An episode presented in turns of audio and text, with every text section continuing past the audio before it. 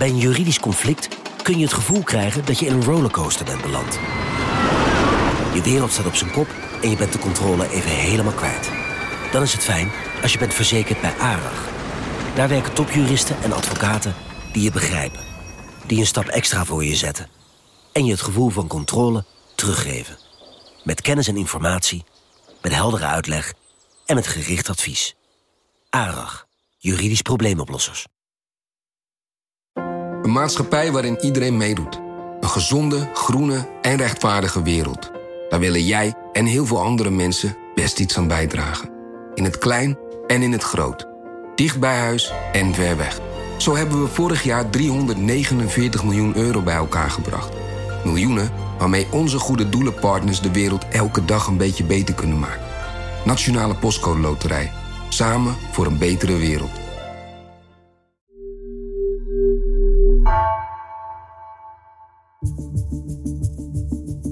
Vanaf de redactie van NRC het verhaal van vandaag.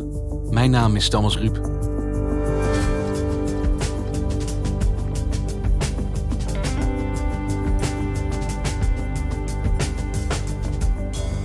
Kaas, tulpen, windmolens en kinderporno. Nederland zit in de top van de internationale ranglijsten als het gaat om kinderporno-hosting. Hoe kan dat? Carola Houtenkamer en Rick Wassens doken in de schimmige wereld van datacentra die opereren aan de randen van de wet. Dit is deel 1 van een tweeluik.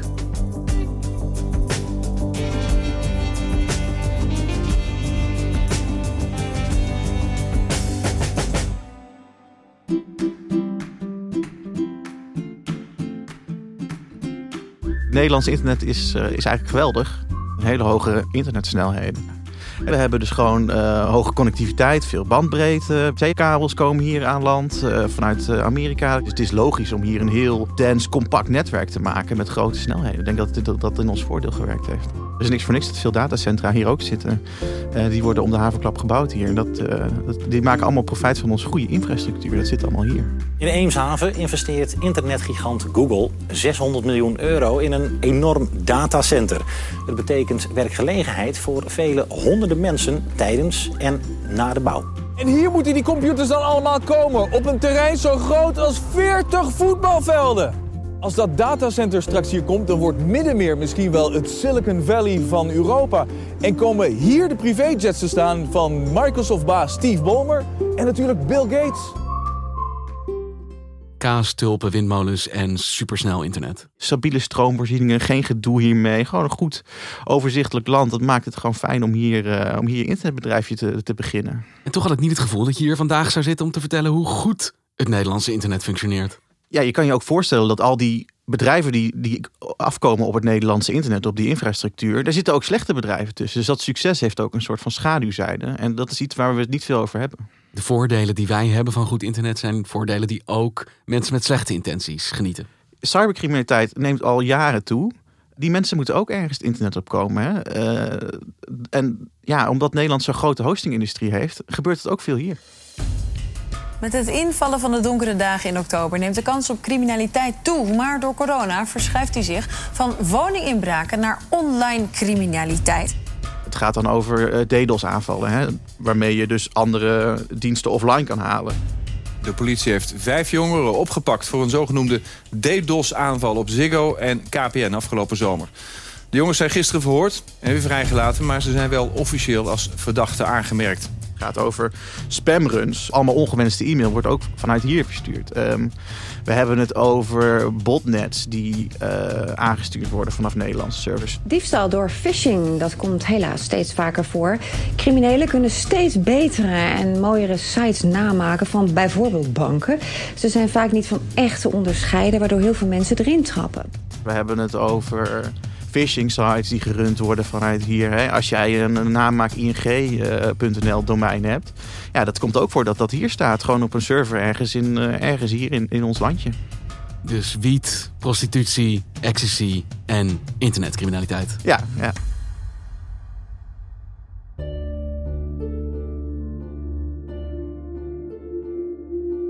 En al die internetcriminaliteit, uh, dat was de reden dat ik een tijdje geleden een bezoekje bracht aan Wormer. Je ging naar Wormer. Ja, Wormer. En wat is er in Wormer? Wormer, dat ligt vlak boven Amsterdam. En op een industrieterreintje daar midden in de stad, in het stadje moet je eigenlijk zeggen, er staat een datacentrum. En veel van, de, van die ellende weten mensen uiteindelijk terug te leiden tot dat datacentrum. En uh, daar zijn we dus een kijkje gaan nemen.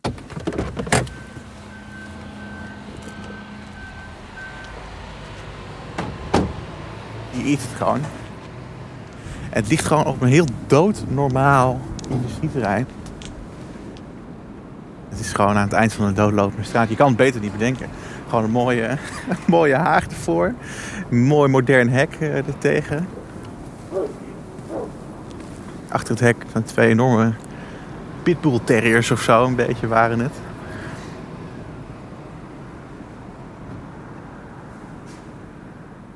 Waarom stond jij daar buiten voor dit bedrijf? Afgelopen maanden hebben mijn uh, collega Carola Houtenkamer en ik hier uh, onderzoek gedaan naar wat er nou zich afspeelt achter die muren. En, en vooral wat er, wat er afspeelt op die computers die achter die muren staan.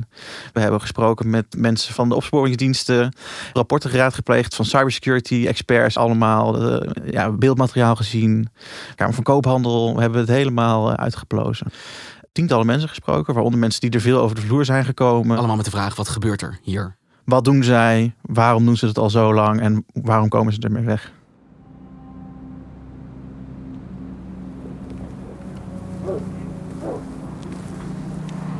Daarachter heb je nog een grote expeditie waar mensen dingen aan het uit- en aan het inladen zijn. Het is echt bizar om te bedenken wat gewoon achter deze...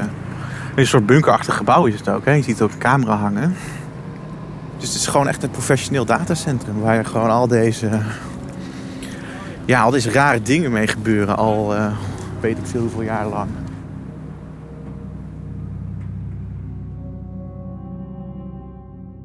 Van buiten lijkt het gewoon een normaal kantoorgebouw. Maar in dat kantoorgebouw zit een van de afvoerputjes van het internet van Nederland. En misschien wel van de wereld. Het afvoerputje van de internetwereld staat in Wormer. Ja.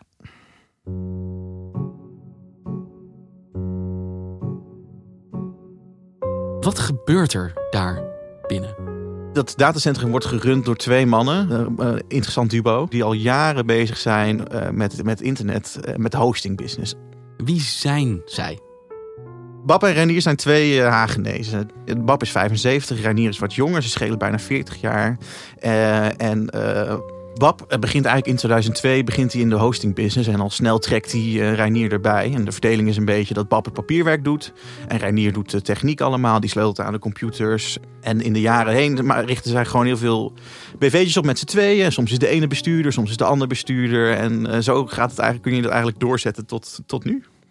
Samen richten zij echt heel veel uh, van, die, van, die, van die hostingbedrijfjes op die hoofdgekwartierd zijn in dat, in dat datacentrum in Wormer. Het blijft niet bij één bedrijf. Ze richten van allerlei bedrijven op met z'n tweeën. Dus dat is dan, hebben we allemaal van die spectaculaire namen als Data One, Fiber Express, Credisurf, BNR Holding, Bab en Reinier, Rebacom, Reinier en Bab.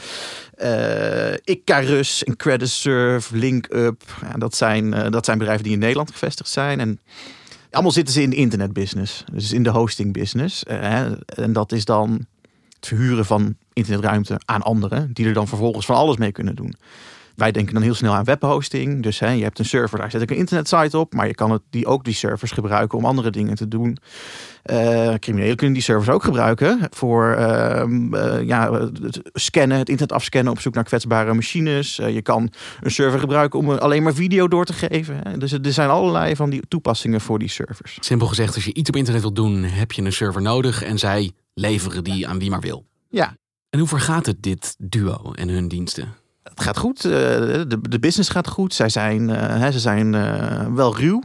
Bedoel je dat? In het begin zijn er al best wel wat klachten over ze. En dan is er ruzie over de onbetaalde rekening. En dan is er ruzie over iemand die nog geld van ze krijgt. En wat je ook al ziet in die begindagen zijn mensen die zeggen... ja, er komt wel heel veel spam. Er komt wel heel veel hekverkeer van die, van die servers vandaan. Maar als ik dan een, een, een e-mail naar hen stuur van... hé, hey, doe hier wat aan. Dan komt die e-mail niet aan of er wordt er niks mee gedaan. Er is ruzie over rekeningen, mensen die met ruzie weggaan, over met servers uit hun pand trekken. En ja, het, zijn, het gaat daar over rechtszaken die gevoerd worden en zo. En het is een heel amicale sfeer. Ja, die plots ook om kan slaan en dan gaan ze met ruzie weg en zo daar. Een beetje een ruwe zakenlui dus. Ja, maar het is niet alleen dat hoor. Er gaat ook best wel wat mis daar.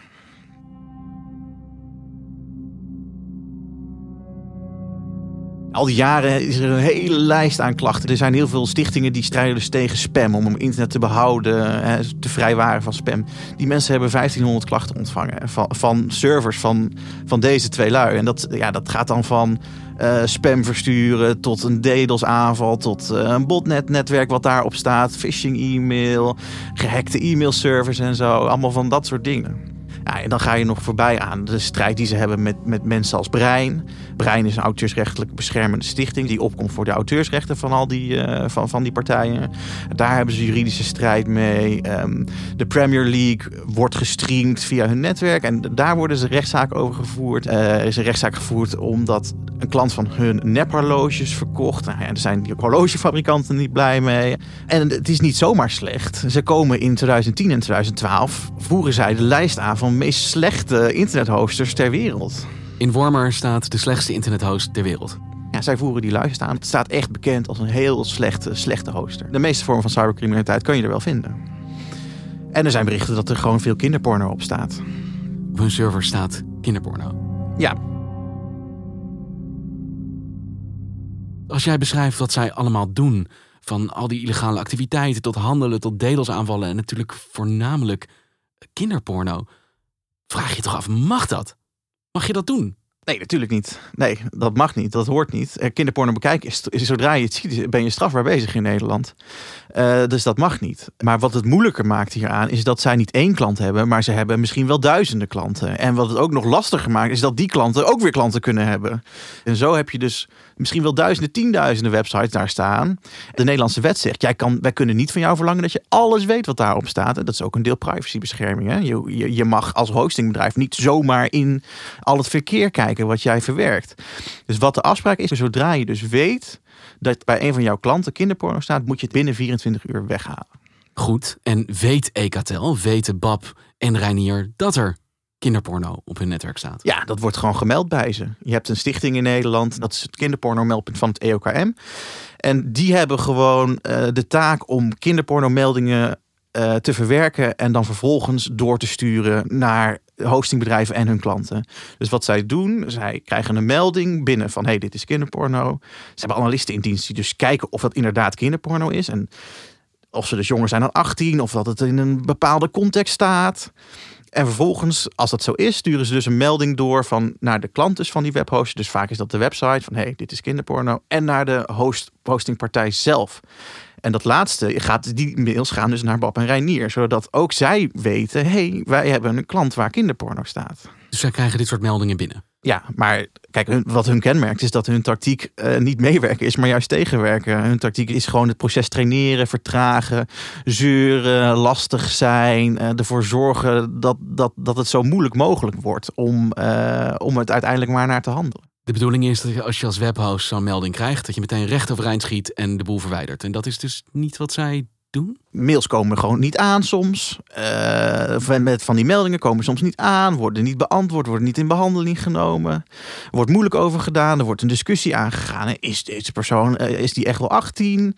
Hè, dat doen dan die klanten van ze, die gaan dan in discussie daarover. Ja, ja terwijl, terwijl natuurlijk een normaal hostingbedrijf gelijk dat, dat, dat zou gaan verwijderen. Maar het klinkt bijna alsof niet proactief handelen uh, op dit soort meldingen bijna een businessmodel is geworden voor Ecatel. Je ziet dat het een bepaalde aantrekkingskracht heeft. Hè? Je hebt dus bedrijven die wel die handhaving doen. Zij hebben klanten die, ja, zij gooien klanten van hun netwerk af. Wij hoeven dit niet. Ja, die komen dan even later komen ze terug bij Ecatel. Kijk, het is natuurlijk fijn voor zo'n klant dat je niet lastig wordt gemaakt. Dat sommige mensen willen het ook gewoon niet weten dat er kinderporno op staat. Uh, ja, dan, dan wordt het ze makkelijk gemaakt, zeg maar. En um, er zit dus ook een soort financieel aspect aan. Misschien denkt die klant wel, nou weet je je wat, ik pak mijn zaken in en ik ga gewoon naar een ander datacentrum. Maar wat zeggen die Bab en Reinier hier dan zelf over? Want we hebben het over kinderporno. Ze zeggen gewoon tegen ons: Ja, luister, wij houden ons gewoon aan de wet. En alles, uh, als zodra wij weten dat er iets staat wat niet mag, dan halen we het weg. Maar als je het aan die mannen zelf vraagt, dan, dan doen ze eigenlijk niks verkeerd. Dan is er niks aan de hand. Maar op hun netwerk, weten jullie, gebeuren dus illegale dingen. En zij komen daar gewoon mee weg al jaren nog steeds. Ja, ze zijn al, uh, dat is ook het opvallende aan, zeggen mensen tegen ons. Deze mensen doen het al, al bijna twintig jaar. Doen ze het al.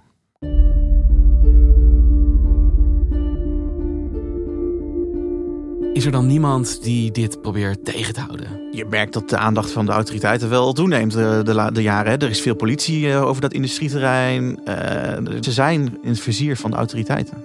Ik denk dat zij wel merken dat de grond onder hun voeten steeds heter wordt. Hè. Daar rijden veel politie langs. je merkt echt dat die aandacht van de politie wat aan het toenemen is. Maar wat die autoriteiten merken is dat het nog niet heel makkelijk is om, om ze aan te pakken.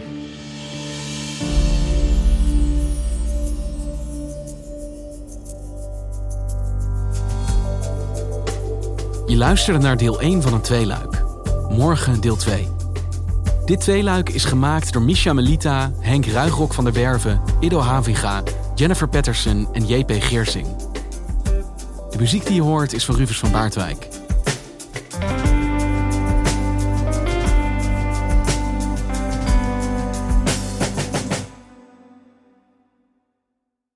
Nieuw Aquarius Red Peach Zero Sugar. Met zijn heerlijke frisse persiksmaak zonder suiker draagt Aquarius bij tot jouw dagelijkse hydratatie en helpt zo mee om je vochtbalans op peil te houden tijdens alledaagse actieve momenten. Thuis, op het werk of onderweg. Ook verkrijgbaar in smaken lemon en orange. Probeer hem nu.